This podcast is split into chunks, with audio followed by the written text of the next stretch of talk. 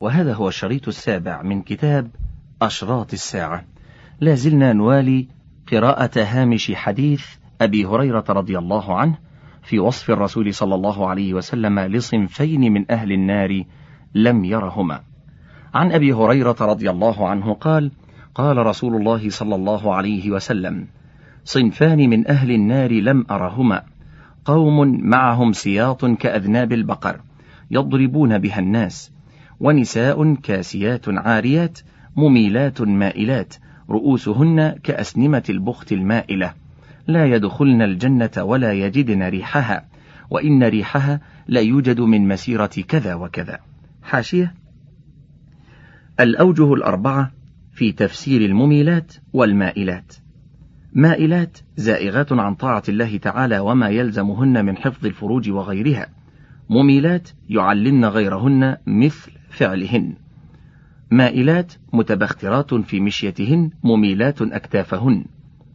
مائلات يمتشطن المشطة الميلاء وهي مشطة البغايا معروفة لهن ومميلات يمشطن غيرهن تلك المشطة. مائلات إلى الرجال مميلات لهم بما يبدين من زينتهن وغيرها.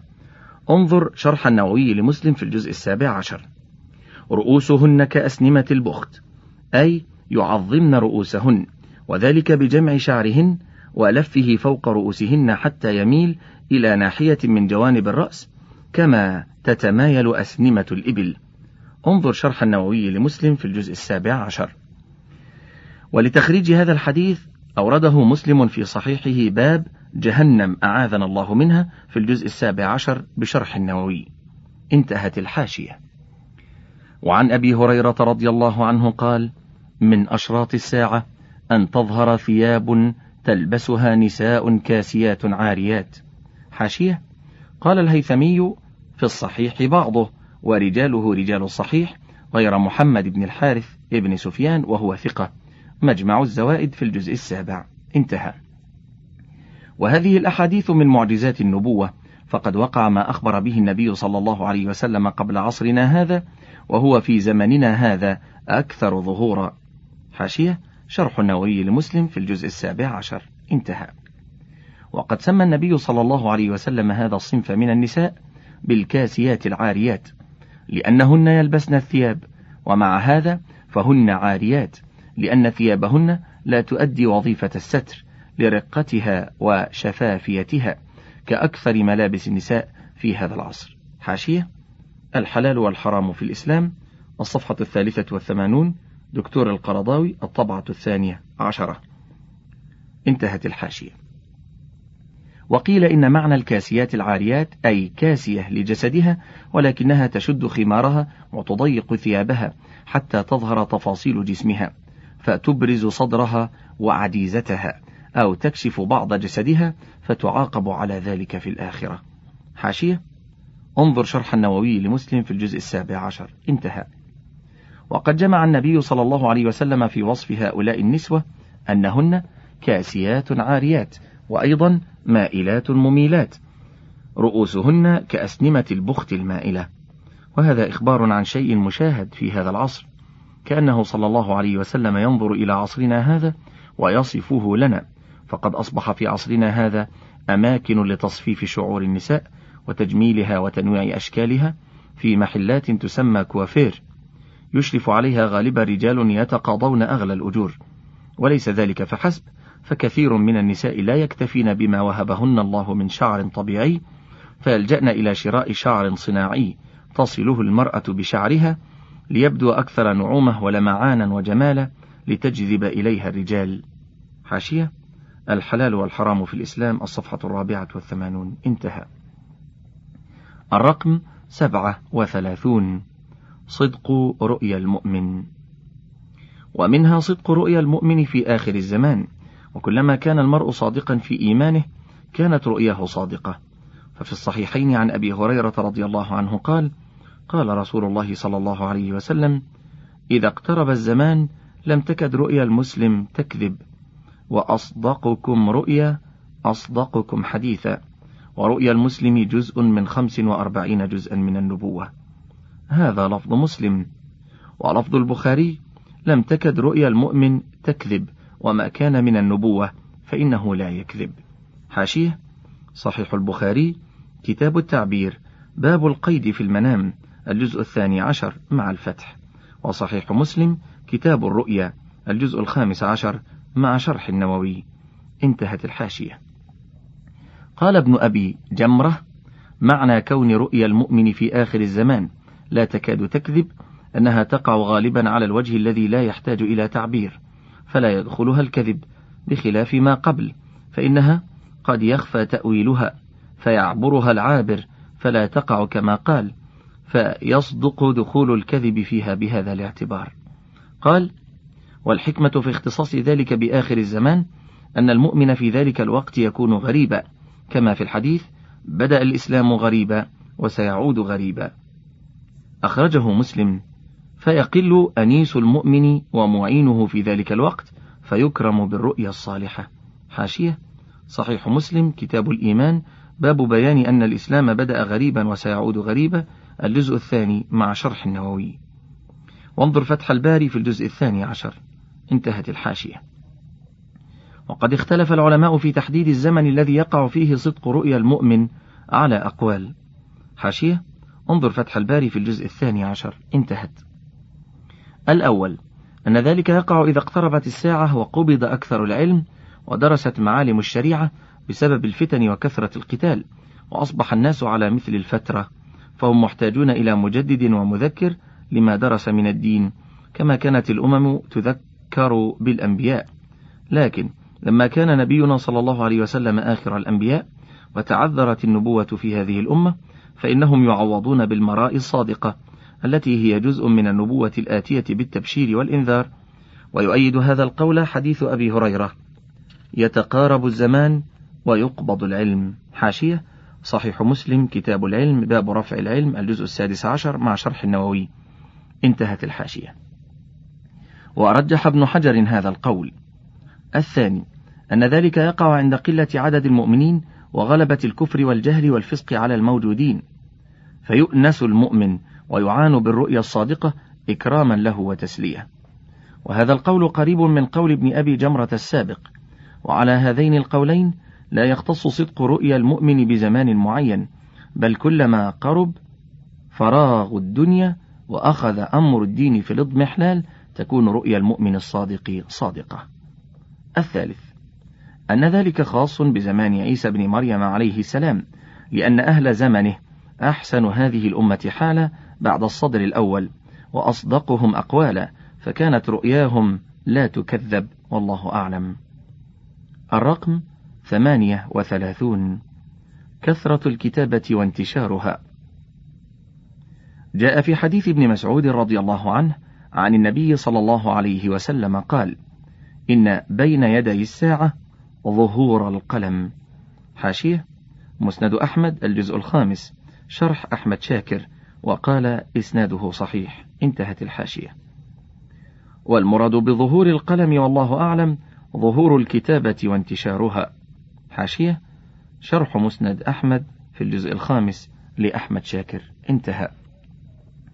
ووقع في رواية الطيالسي والنسائي عن عمرو بن تغلب قال سمعت رسول الله صلى الله عليه وسلم يقول إن من أشراط الساعة أن يكثر التجار ويظهر العلم. حاشية منحة المعبود في ترتيب مسند الطيالسي. في الجزء الثاني ترتيب الساعات. وسنن النسائي كتاب البيوع باب التجارة الجزء السابع. قال التويجري على رواية النسائي إسناد صحيح على شرط الشيخين. إتحاف الجماعة الجزء الأول. انتهت الحاشية. ومعناه والله أعلم ظهور وسائل العلم وهي كتبه. وقد ظهرت في هذا الزمن ظهورا باهرا وانتشرت في جميع أرجاء الأرض بسبب توفر آلات الطابعة والتصوير التي سهلت انتشارها. ومع هذا فقد ظهر الجهل في الناس وقل فيهم العلم النافع وهو علم الكتاب والسنة والعمل بهما ولم تغني عنهم كثرة الكتب شيئا. حاشية. انظر إتحاف الجماعة في الجزء الأول انتهت الحاشية. الرقم تسعة وثلاثون. التهاون بالسنن التي رغب فيها الإسلام ومنها التهاون بشعائر الله تعالى كما جاء في الحديث عن ابن مسعود رضي الله عنه قال سمعت رسول الله صلى الله عليه وسلم وهو يقول إن من أشراط الساعة أن يمر الرجل بالمسجد لا يصلي فيه ركعتين. حاشية. صحيح ابن خزيمة. باب كراهية المرور في المساجد من غير أن تصلى فيها والبيان أنه من أشراط الساعة. الجزء الثاني تحقيق دكتور محمد مصطفى الأعظمي. وعلق عليه الألباني فقال إسناده ضعيف ولكن له أو لغالبه طرق أخرى. وذكر في السلسلة الصحيحة أن له طريقا أخرى عن ابن مسعود يتقوى بها. انظر المجلد الثاني انتهت الحاشية. وفي رواية أن يجتاز الرجل بالمسجد فلا يصلي فيه. حاشية. رواه البزار. وصحح الهيثمي هذه الرواية في مجمع الزوائد الجزء السابع. انتهت الحاشية. وعن ابن مسعود أيضا قال إن من أشراط الساعة أن تتخذ المساجد طرق حاشية. منحة المعبود في ترتيب مسند الطيالسي. باب ما جاء في الفتن التي تكون بين يدي الساعة. الجزء الثاني ترتيب الساعات. مستدرك الحاكم الجزء الرابع. وقال هذا حديث صحيح الإسناد وقال الذهبي موقوف انتهت الحاشية. وعن أنس رضي الله عنه يرفعه إلى النبي صلى الله عليه وسلم قال إن من أمارات الساعة أن تتخذ المساجد طرقا وهذا أمر لا يجوز فإن تعظيم المساجد من تعظيم شعائر الله. حاشية؟ شعائر الله واحدها شعيرة. وهي كل شيء جعل علما من أعلام طاعته. انظر تفسير غريب القرآن في الصفحة الثانية والثلاثين لابن قتيبة بتحقيق السيد أحمد صقر. انتهت الحاشية. وهذا أمر لا يجوز فإن تعظيم المساجد من تعظيم شعائر الله تعالى وإن ذلك علامة الإيمان والتقوى كما قال تعالى ومن يعظم شعائر الله فإنها من تقوى القلوب. سورة الحج الآية الثانية والثلاثون. وقال صلى الله عليه وسلم إذا دخل أحدكم المسجد فلا يجلس حتى يركع ركعتين. حاشية صحيح مسلم كتاب صلاة المسافرين وقصرها باب استحباب تحية المسجد بركعتين وكراهة الجلوس قبل صلاتهما وأنها مشروعة في جميع الأوقات الجزء الخامس مع شرح النووي. انتهت الحاشية. ومن أعظم البلايا أن صارت المساجد أماكن للسياحة والفرجة للكفار بعدما كانت محلا للذكر والعبادة. وقد حدث هذا في هذا العصر كما في بعض البلاد الإسلامية والبلاد التي تحت أيدي الكفار. فلا حول ولا قوة إلا بالله العلي العظيم. الرقم أربعون. انتفاخ الأهلة. عن عبد الله بن مسعود رضي الله عنه قال قال رسول الله صلى الله عليه وسلم من اقتراب الساعة انتفاخ الأهلة. حاشية. رواه الطبراني في الكبير. قال الهيثمي فيه عبد الرحمن ابن يوسف. ذكر له في الميزان هذا الحديث وقال إنه مجهول. مجمع الزوائد الجزء الثالث. وانظر ميزان الاعتدال في الجزء الثاني للذهبي. قال الألباني صحيح. ثم ذكر من أخرجه من الأئمة. وهم العقيلي في الضعفاء وابن عدي في الكامل والطبراني في الأوسط والصغير. ورواه عن أبي هريرة الطبراني في الأوسط والضياء المقدسي. ورواه عن أنس البخاري في التاريخ. ورواه عن طلحة ابن أبي حدرد وأبي عمرو الداني الشعبي والحسن مرسلا. انظر صحيح الجامع الصغير في الجزء الخامس. انتهت الحاشية. وعن أبي هريرة رضي الله عنه قال قال رسول الله صلى الله عليه وسلم من اقتراب الساعة انتفاخ الأهلة وأن يرى الهلال لليلة فيقال لليلتين. حاشية في صحيح الجامع الصغير الجزء الخامس أن يرى الهلال قبلا لليلة أن يرى ساعة يطلع وقبلا أي معاينة. انظر التذكرة في الصفحة الثامنة والأربعين والستمائة للقرطبي ولعل اللفظة قبلا. والله أعلم. رواه الطبراني في الصغير قال الهيثمي وفيه عبد الرحمن بن الأزرق الأنطالي ولم أجد من ترجمة. مجمع الزوائد الجزء الثالث. انتهى. وعن أنس بن مالك رضي الله عنه يرفعه إلى النبي صلى الله عليه وسلم قال إن من أمارات الساعة أن يرى الهلال لليلة فيقال لليلتين. حاشية. قال الهيثمي رواه الطبراني في الصغير والأوسط عن شيخه الهيثم بن خالد المصيصي. وهو ضعيف مجمع الزوائد الجزء السابع. وقال الألباني رواه الطبراني في الأوسط والضياء المقدسي وهو حسن. انظر صحيح الجامع في الجزء الخامس. انتهت الحاشية. فقد جاء في هاتين الروايتين تفسير انتفاخ الأهلة بأن ذلك عبارة عن كبر الهلال حين طلوعه عما هو معتاد في أول الشهر فيرى وهو ابن ليلة كأنه ابن ليلتين والله أعلم. الرقم واحد وأربعون. كثرة الكذب وعدم التثبت في نقل الأخبار. عن أبي هريرة رضي الله عنه عن رسول الله صلى الله عليه وسلم أنه قال سيكون في آخر أمتي أناس يحدثونكم ما لم تسمعوا أنتم ولا آباؤكم فإياكم وإياهم. حاشية صحيح مسلم المقدمة باب النهي عن الرواية عن الضعفاء الجزء الأول مع شرح النووي. انتهت الحاشية. وفي رواية يكون في آخر الزمان دجالون كذابون يأتونكم من الأحاديث بما لم تسمعوا أنتم ولا آباؤكم فإياكم وإياهم لا يضلونكم ولا يفتنونكم. حاشية المرجع السابق أي صحيح مسلم.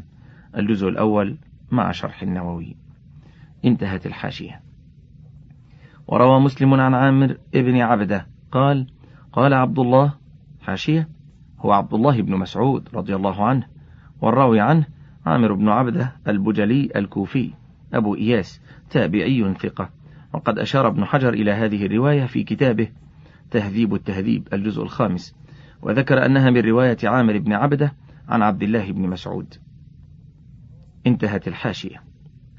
وروى مسلم عن عامر بن عبدة قال قال عبد الله إن الشيطان لا يتمثل في صورة الرجل فيأتي القوم فيحدثهم بالحديث من الكذب فيتفرقون فيقول الرجل منهم سمعت رجلا أعرف وجهه ولا أدري ما اسمه يحدث. حاشية صحيح مسلم المقدمة الجزء الأول مع شرح النووي. انتهى. وعن عبد الله بن عمرو بن العاص رضي الله عنهما قال إن في البحر شياطين مسجونة أوثقها سليمان يوشك أن تخرج فتقرأ على الناس قرآنا. حاشية صحيح مسلم المقدمة. باب النهي عن الرواية عن الضعفاء الجزء الأول. مع شرح النووي انتهت الحاشية. قال النووي معناه تقرأ شيئا ليس بقرآن وتقول إنه قرآن لتغر به عوام الناس فلا يغترون. حاشية. شرح النووي لمسلم الجزء الأول. انتهى. وما أكثر الأحاديث الغريبة في هذا الزمان. فقد أصبح بعض الناس لا يتورع عن كثرة الكذب ونقل الأقوال بدون تثبت من صحتها. وفي هذا إضلال للناس وفتنة لهم. ولهذا حذر النبي صلى الله عليه وسلم من تصديقهم. وقد جعل علماء الحديث هذه الأحاديث أصلا في وجوب التثبت من نقل الأحاديث عن رسول الله صلى الله عليه وسلم وتمحيص الرواة لمعرفة الثقة من غيره. وبسبب كثرة كذب الناس في هذا الزمان صار الإنسان لا يميز بين الأخبار فلا يعرف صحيحها من سقيمها. الرقم اثنان وأربعون.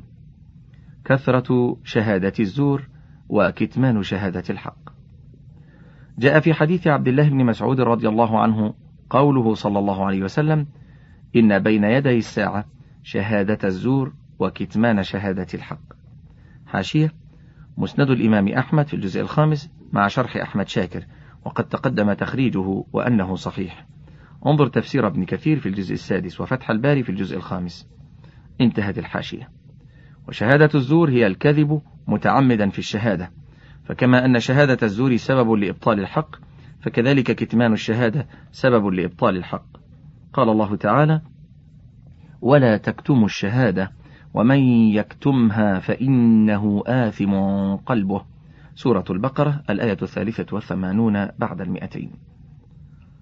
وعن أبي بكرة رضي الله عنه قال كنا عند رسول الله صلى الله عليه وسلم فقال ألا أنبئكم بأكبر الكبائر؟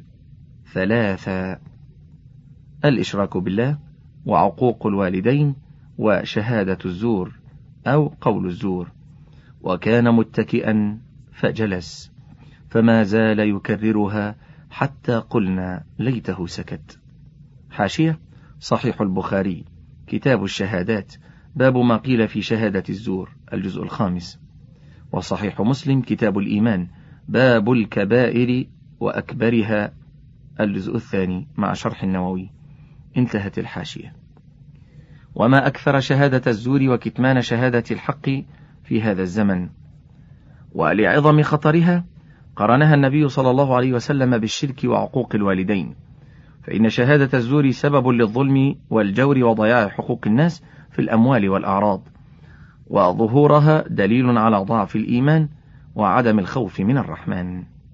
الرقم ثلاثة وأربعون. كثرة النساء وقلة الرجال. عن أنس رضي الله عنه قال لأحدثنكم حديثا لا يحدثكم أحد بعدي.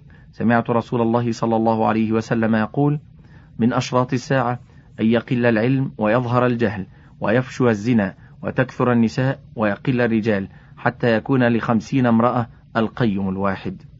حاشية لفظة هذا الحديث من أشراط الساعة أن يقل العلم ويظهر الجهل ويظهر الزنا وتكثر النساء ويقل الرجال حتى يكون لخمسين امرأة القيم الواحد. صحيح البخاري كتاب العلم باب رفع العلم وظهور الجهل الجزء الأول مع الفتح. صحيح مسلم كتاب العلم باب رفع العلم وقبضه وظهور الجهل والفتن في آخر الزمان في الجزء السادس عشر مع شرح النووي. جامع الترمذي باب ما جاء في أشراط الساعة الجزء السادس انتهت الحاشية.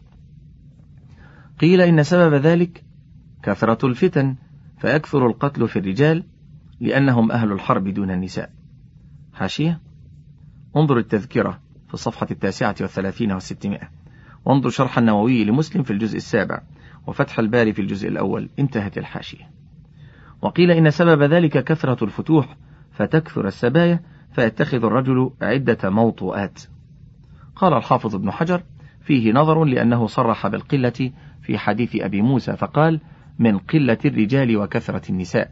حاشية صحيح مسلم كتاب الزكاة باب كل نوع من المعروف صدقة.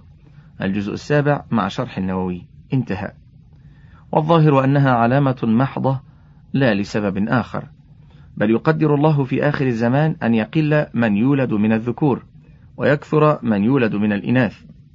وكون كثرة النساء من العلامات مناسبة لظهور الجهل ورفع العلم. حاشية فتح الباري الجزء الأول. انتهى.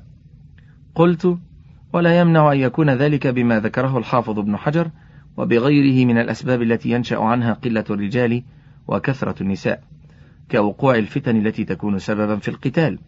فقد جاء في رواية الإمام مسلم ما يدل على أن كثرة النساء وقلة الرجال يكون بسبب ذهاب الرجال وبقاء النساء.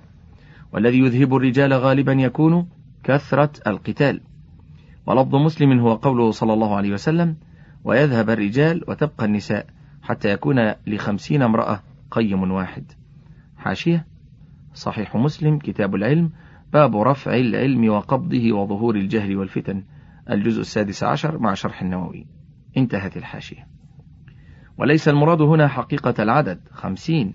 فقد جاء في حديث أبي موسى رضي الله عنه ويرى الرجل يتبعه أربعون امرأة يلذن به فيكون ذلك مجازا عن الكثرة والله أعلم.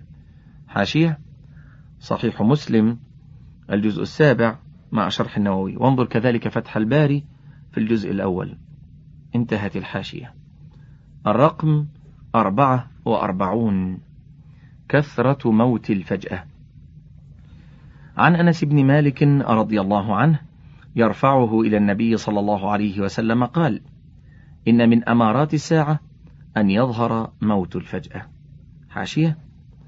قال الهيثمي رواه الطبراني في الصغير والأوسط عن شيخه الهيثم بن خالد المصيصي وهو ضعيف مجمع الزوائد الجزء السابع. قال الألباني حسن وذكر من أخرجه وهم الطبراني في الأوسط والضياء المقدسي. انظر صحيح الجامع الصغير في الجزء الخامس. انتهت الحاشية.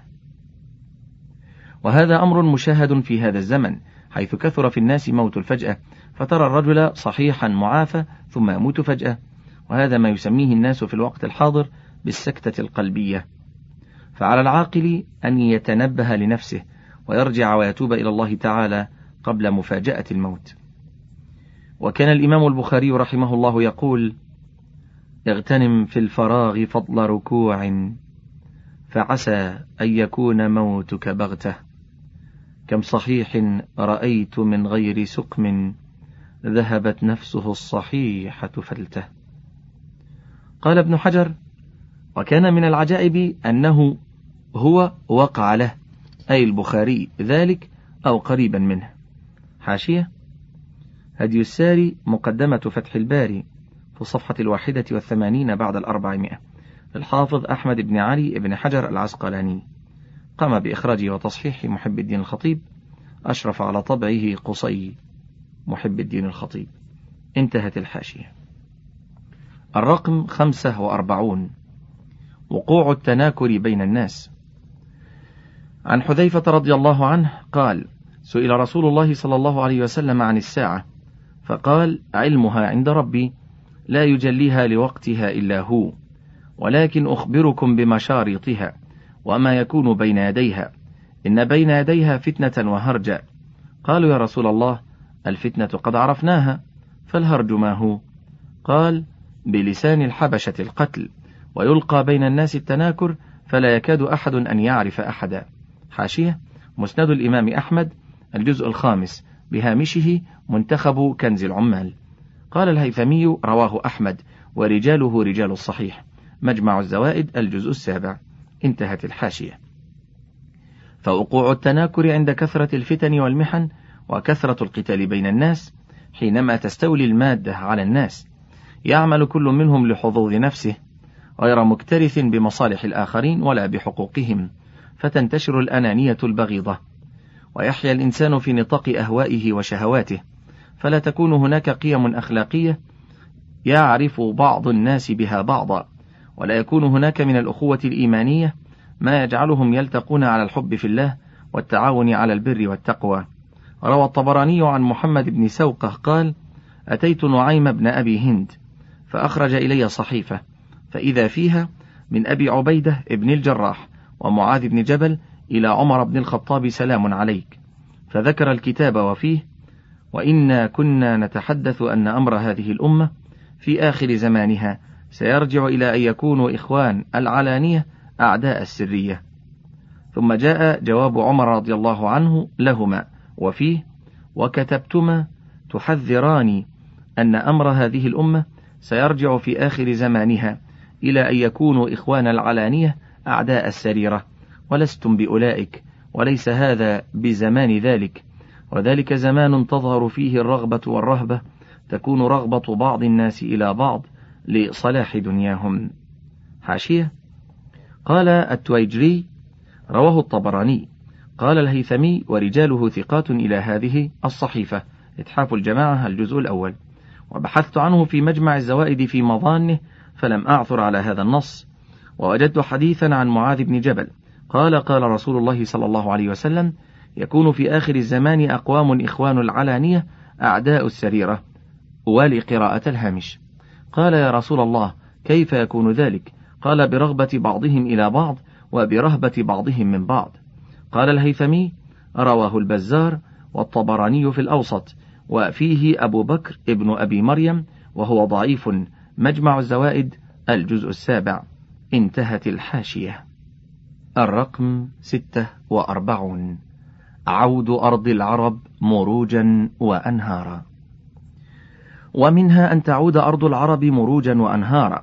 ففي الحديث عن أبي هريرة رضي الله عنه أن رسول الله صلى الله عليه وسلم قال لا تقوم الساعة حتى تعود أرض العرب مروجا وأنهارا. حاشية المروج جمع مرج وهو الفضاء الواسع ويقال للأرض ذات الكلأ مرج. ومنه قولهم مرج الدابة يمرجها إذا أرسلها ترعى في المرج. انظر لسان العرب في الجزء الثاني. صحيح مسلم كتاب الزكاة باب كل نوع من المعروف صدقة في الجزء السابع مع شرح النووي. انتهت الحاشية. وفي هذا الحديث دلالة على أن أرض العرب كانت مروجا وأنهارا وأنها ستعود كما كانت مروجا وأنهارا. قال النووي في معنى عود أرض العرب مروجا وأنهارا معناه والله أعلم أنهم يتركونها ويعرضون عنها فتبقى مهملة لا تزرع ولا تسقى من مياهها وذلك لقلة الرجال وكثرة الحروب وتراكم الفتن وقرب الساعة وقلة الآمال وعدم الفراغ لذلك والاهتمام به. حاشية شرح النووي لمسلم الجزء السابع. انتهى. والذي يظهر لي أن ما ذهب إليه النووي رحمه الله في شرحه لهذا الحديث فيه نظر. فإن أرض العرب أرض قاحلة شحيحة المياه قليلة النبات غالب مياهها من الآبار والأمطار. فإذا تركت واشتغل عنها أهلها مات زرعها ولم تعد مروجا وأنهارا. وظاهر الحديث يدل على أن بلاد العرب ستكثر فيها المياه حتى تكون أنهارا فتنبت بها النباتات فتكون مروجا وحدائق وغابات. والذي يؤيد هذا أنه ظهر في هذا العصر عيون كثيرة تفجرت كالأنهار وقامت عليها زراعات كثيرة. وسيكون ما أخبر به الصادق صلى الله عليه وسلم.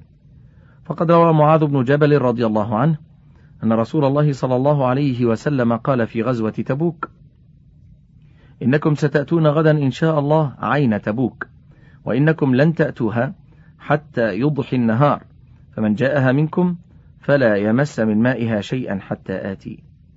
فجئناها وقد سبقنا إليها وقد سبقنا إليها رجلان والعين مثل الشراك تبض بشيء من ماء. حاشية؟ الشراك بكسر الشين هو سير النعل. انظر لسان العرب في الجزء العاشر.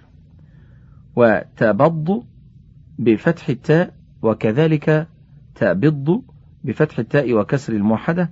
بعدها ضاد معجمة مشددة أي تسيل بماء قليل. انظر شرح النووي لمسلم في الجزء الخامس عشر ولسان العرب في الجزء السابع. انتهت الحاشية. والعين مثل الشراك تبض بشيء من ماء. قال فسألهما رسول الله صلى الله عليه وسلم هل مسستما من مائها شيئا؟ قال نعم فسبهما رسول الله صلى الله عليه وسلم وقال لهما ما شاء الله أن يقول. قال ثم غرفوا بأيديهم من العين قليلا قليلا حتى اجتمع في شيء. قال ثم غسل رسول الله صلى الله عليه وسلم فيه يديه ووجهه ثم أعاده فيها فجرت العين بماء منهمر. أو قال غزير حتى استقى الناس. ثم قال رسول الله صلى الله عليه وسلم يوشك يا معاذ إن طالت بك حياة أن ترى ما ها هنا قد ملئ جنانا. حاشية. صحيح مسلم كتاب الفضائل باب معجزات النبي صلى الله عليه وسلم الجزء الخامس عشر مع شرح النووي. انتهت الحاشية. الرقم سبعة وأربعون. كثرة المطر وقلة النبات. عن أبي هريرة رضي الله عنه قال قال رسول الله صلى الله عليه وسلم لا تقوم الساعة حتى تمطر السماء مطرا لا تكن منها بيوت المدر ولا تكن منها إلا بيوت الشعر. حاشية المدر هو الطين المتماسك اليابس وأهل المدر أهل القرى والأمصار. انظر النهاية لابن الأثير في الجزء الرابع. مسند أحمد الجزء الثالث عشر شرح أحمد شاكر وقال إسناده صحيح. وهو في مجمع الزوائد في الجزء السابع. قال الهيثمي رواه أحمد ورجاله رجال الصحيح. وانظر النهاية الفتن والملاحم في الجزء الأول. انتهت الحاشية. وعن أنس رضي الله عنه قال قال رسول الله صلى الله عليه وسلم لا تقوم الساعة حتى يمطر الناس مطرا عاما ولا تنبت الأرض شيئا. حاشية مسند أحمد الجزء الثالث بهامشه منتخب الكنز. ذكره الهيثمي وقال رواه أحمد والبزار وأبو يعلى ورجال الجميع ثقات مجمع الزوائد الجزء السابع. وقال ابن كثير إسناده جيد ولم يخرجوه من هذا الوجه. النهاية الفتن والملاحم الجزء الأول. انتهت الحاشية. فإذا كان المطر سببا في إنبات الأرض فإن لله تعالى أن يوجد ما يمنع هذا السبب من ترتب المسبب عليه. والله تعالى خالق الأسباب ومسبباتها لا يعجزه شيء. وفي الحديث عن أبي هريرة أن رسول الله صلى الله عليه وسلم قال ليست السنة بألا تمطروا ولكن السنة أن تمطروا وتمطروا ولا تنبت الأرض شيئا.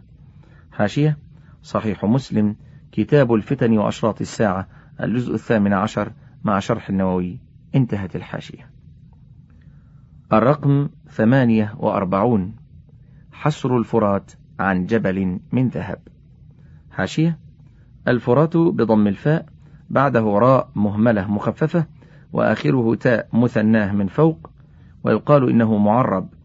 والفرات في كلام العرب الماء العذب.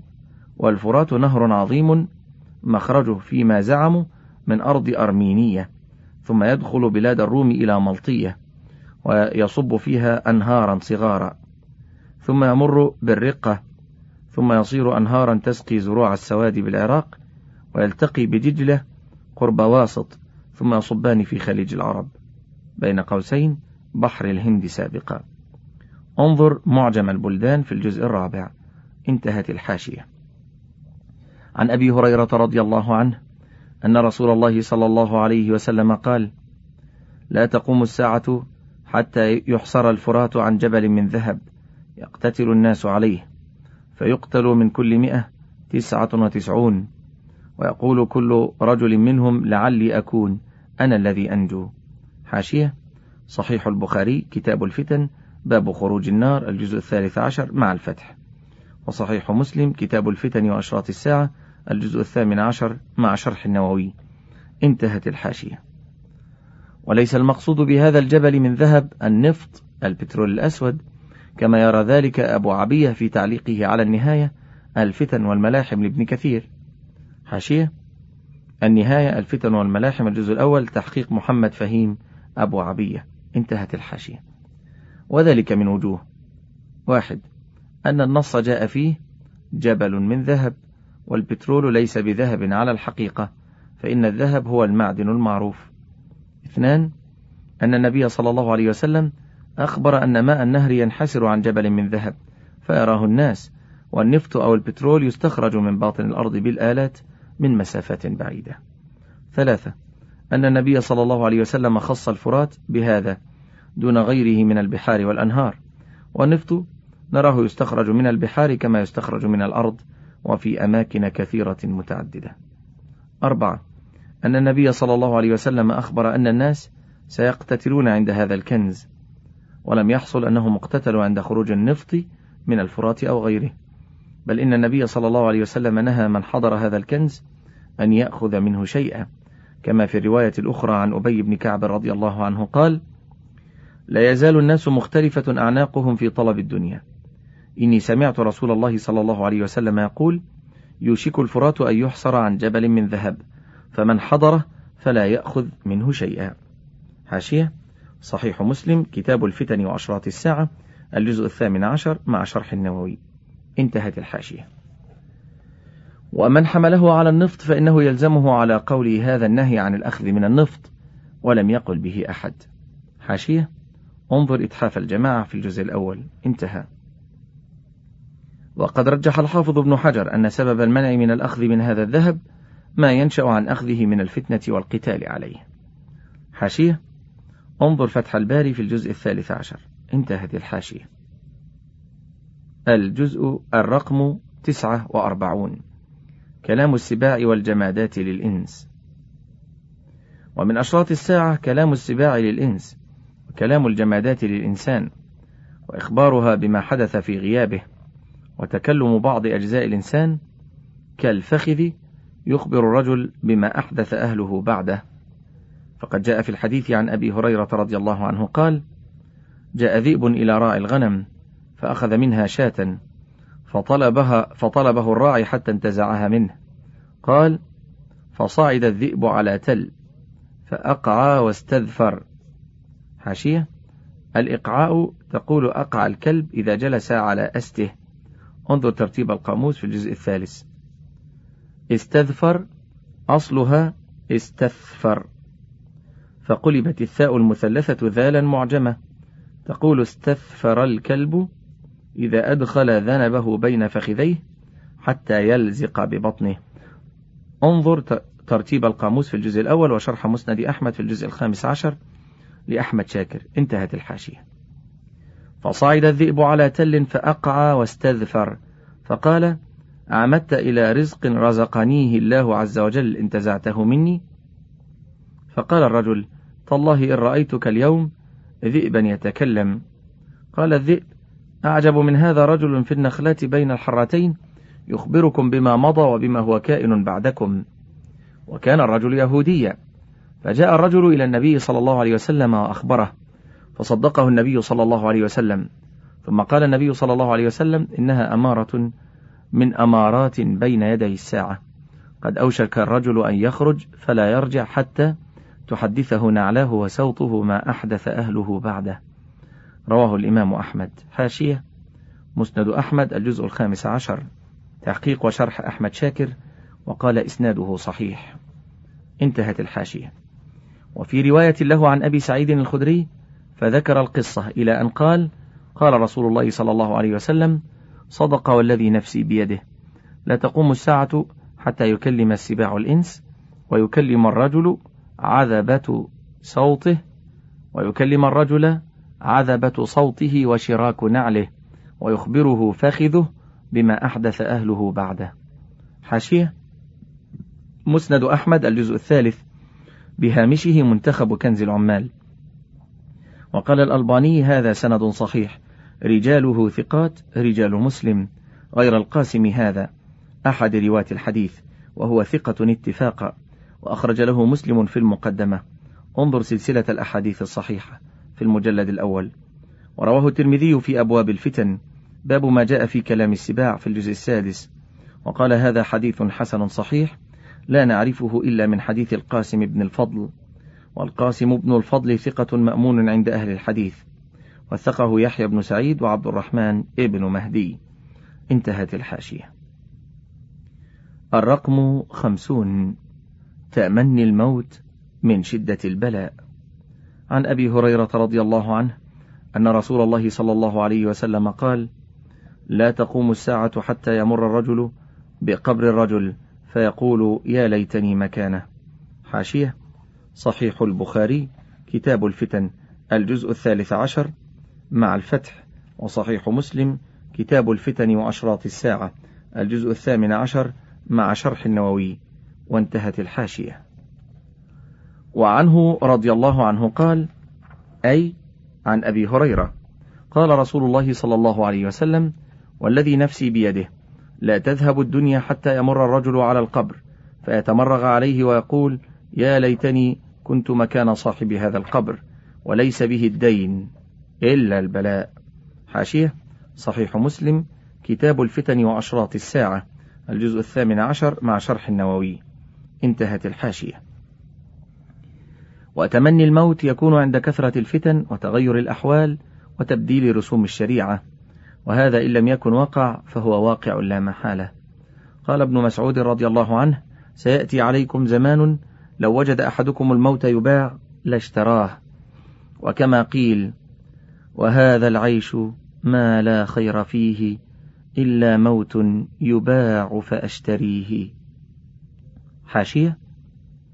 فيض القدير الجزء السادس. انتهى. قال الحافظ العراقي. حاشية.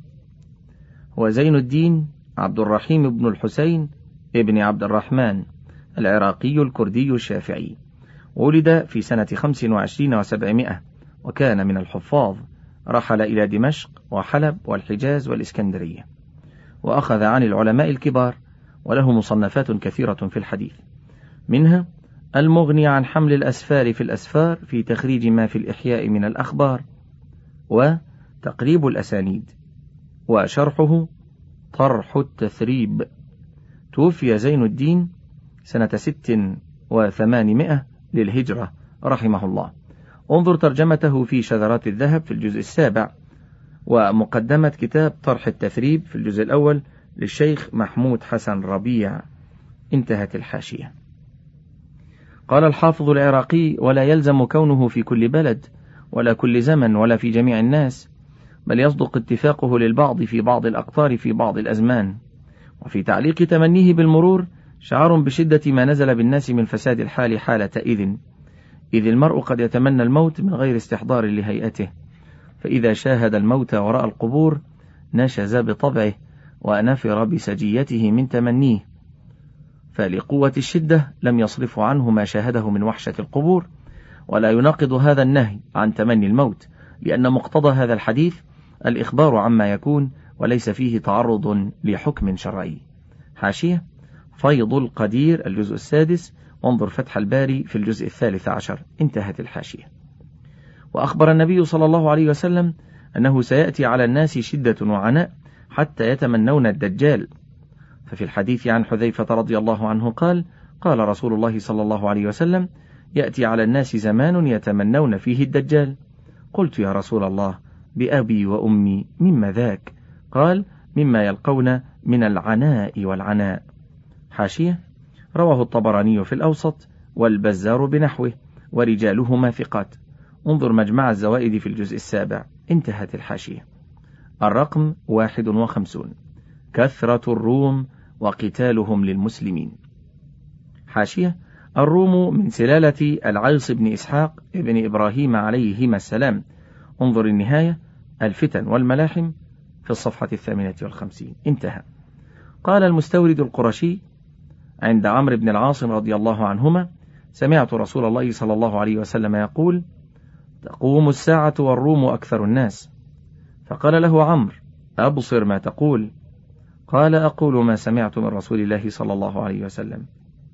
حاشية صحيح مسلم كتاب الفتن وأشراط الساعة الجزء الثامن عشر مع شرح النووي. انتهت الحاشية. وجاء في حديث عوف بن مالك الأشجعي رضي الله عنه قال قال رسول الله صلى الله عليه وسلم أعدد ستا بين يدي الساعة. فذكر منها ثم هدنة تكون بينكم وبين بني الأصفر. حاشية بنو الأصفر هم الروم. انظر فتح الباري في الجزء السادس. انتهى. فيغدرون فيأتونكم تحت ثمانين غاية. تحت كل غاية اثنى عشر ألفا حاشية. غاية أي راية. وسميت بذلك لأنها غاية المتبع. إذا وقفت وقف. انظر النهاية في غريب الحديث في الجزء الثالث. وفتح الباري في الجزء السادس. رواه البخاري وقد سبق تخريجه في الصفحة الستين وانتهت الحاشية.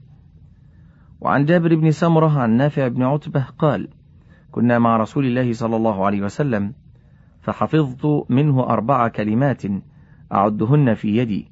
قال تغزون جزيرة العرب فيفتحها الله ثم فارس فيفتحها الله ثم تغزون الروم فيفتحها الله ثم تغزون الدجال فيفتحه الله.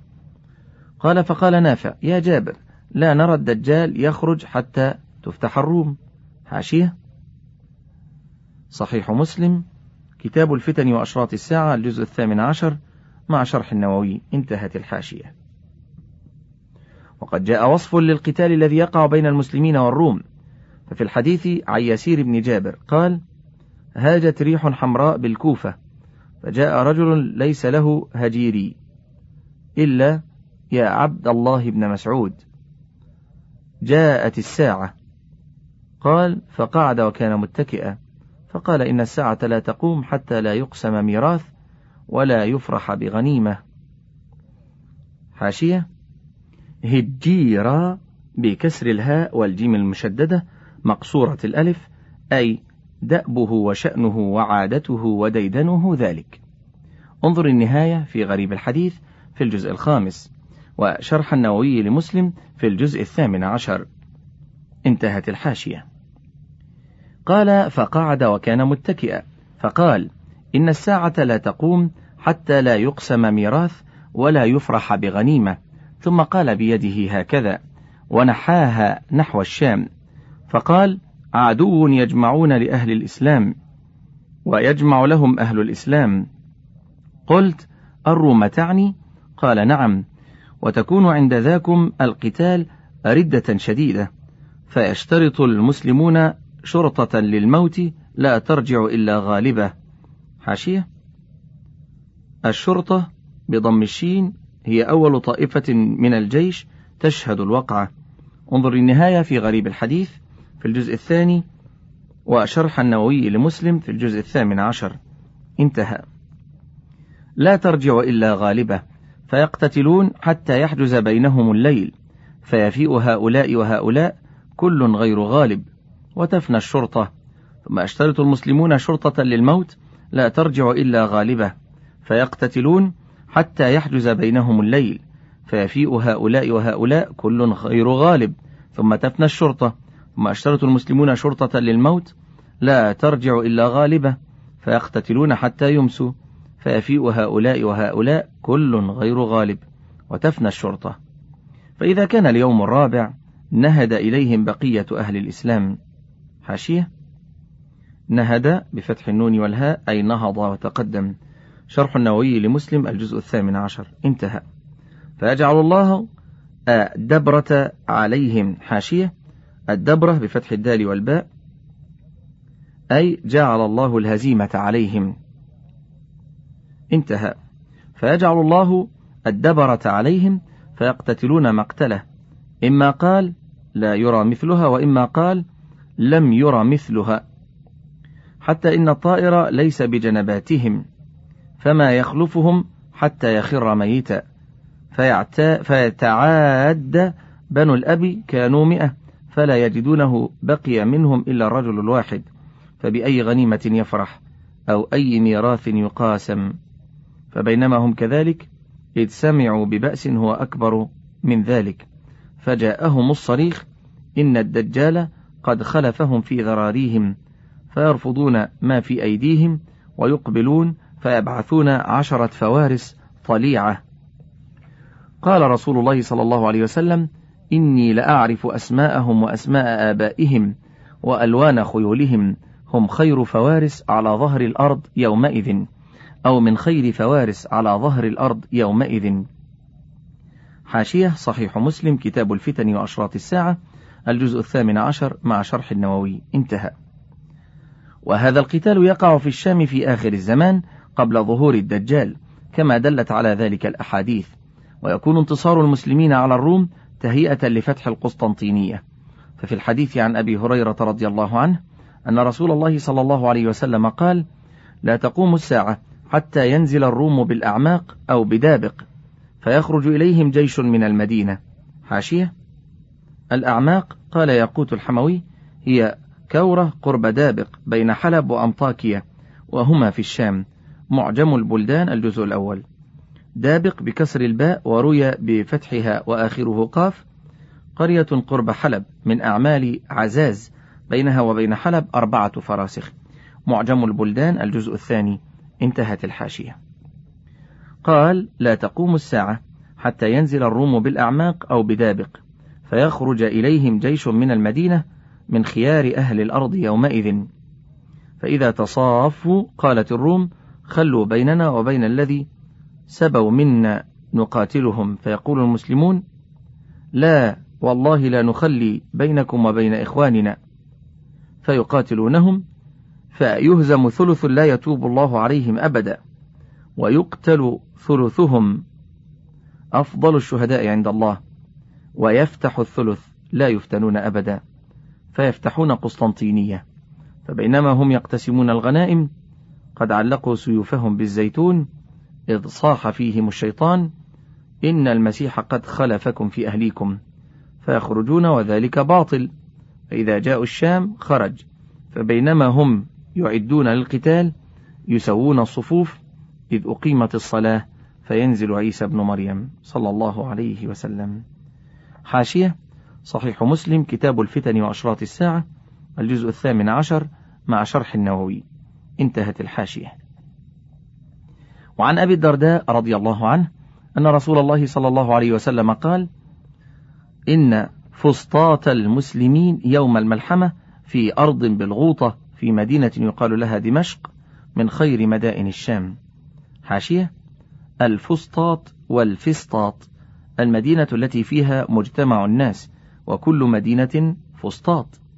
انظر النهاية في غريب الحديث في الجزء الثالث. الغوطة بضم الغين ثم واو ساكنة وطاء مهملة من الغائط وهو المطمئن من الأرض وهي موضع بالشام تحيط بها جبال عالية وبها أنهار وأشجار متصلة وفيها تقع مدينة دمشق. انظر معجم البلدان في الجزء الرابع.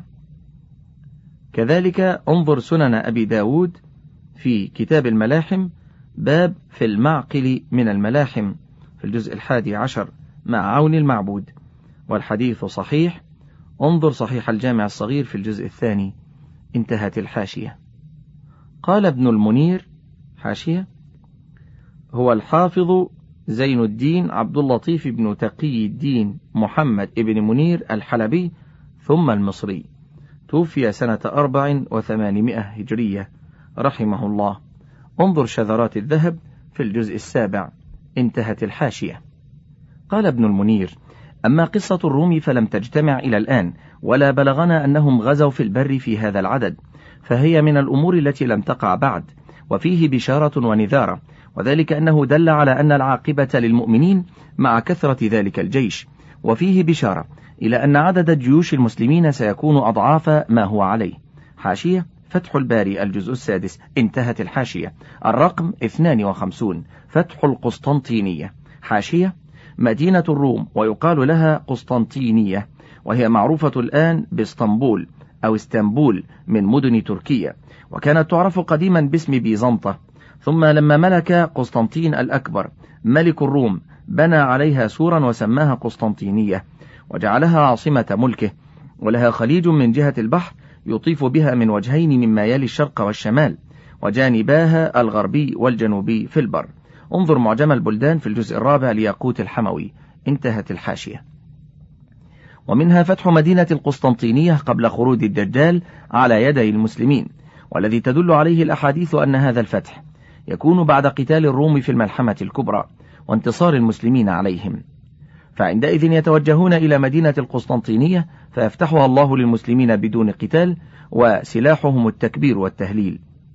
ففي الحديث عن أبي هريرة رضي الله عنه أن النبي صلى الله عليه وسلم قال سمعتم بمدينة جانب منها في البر وجانب منها في البحر؟ قالوا نعم يا رسول الله. قال لا تقوم الساعة حتى يغزوها سبعون ألفا من بني إسحاق. فإذا جاءوها نزلوا فلم يقاتلوا بسلاح ولم يرموا بسهم. قالوا لا إله إلا الله والله أكبر فيسقط أحد جانبيها. قال ثور حاشية هو ابن زيد الديلي مولاهم المدني الثقة توفي سنة خمس وثلاثين ومائة هجرية رحمه الله. انظر صحيح مسلم في الجزء الثامن عشر وتهذيب التهذيب في الجزء الثاني. انتهت الحاشية. قال ثور أحد رواة الحديث لا أعلمه إلا قال الذي في البحر. ثم يقولون الثانية لا إله إلا الله والله أكبر فيسقط جانبها الآخر. ثم يقولوا لا إله إلا الله والله أكبر فيفرج لهم فيدخلوها فيغنموا. فبينما هم يقتسمون الغنائم إذ جاءهم الصريخ فقال إن الدجال قد خرج فيتركون كل شيء ويرجعون. حاشية صحيح مسلم كتاب الفتن وأشراط الساعة الجزء الثامن عشر مع شرح النووي انتهت الحاشية وانتهى الشريط السابع من كتاب أشراط الساعة وله بقية على الشريط الثامن.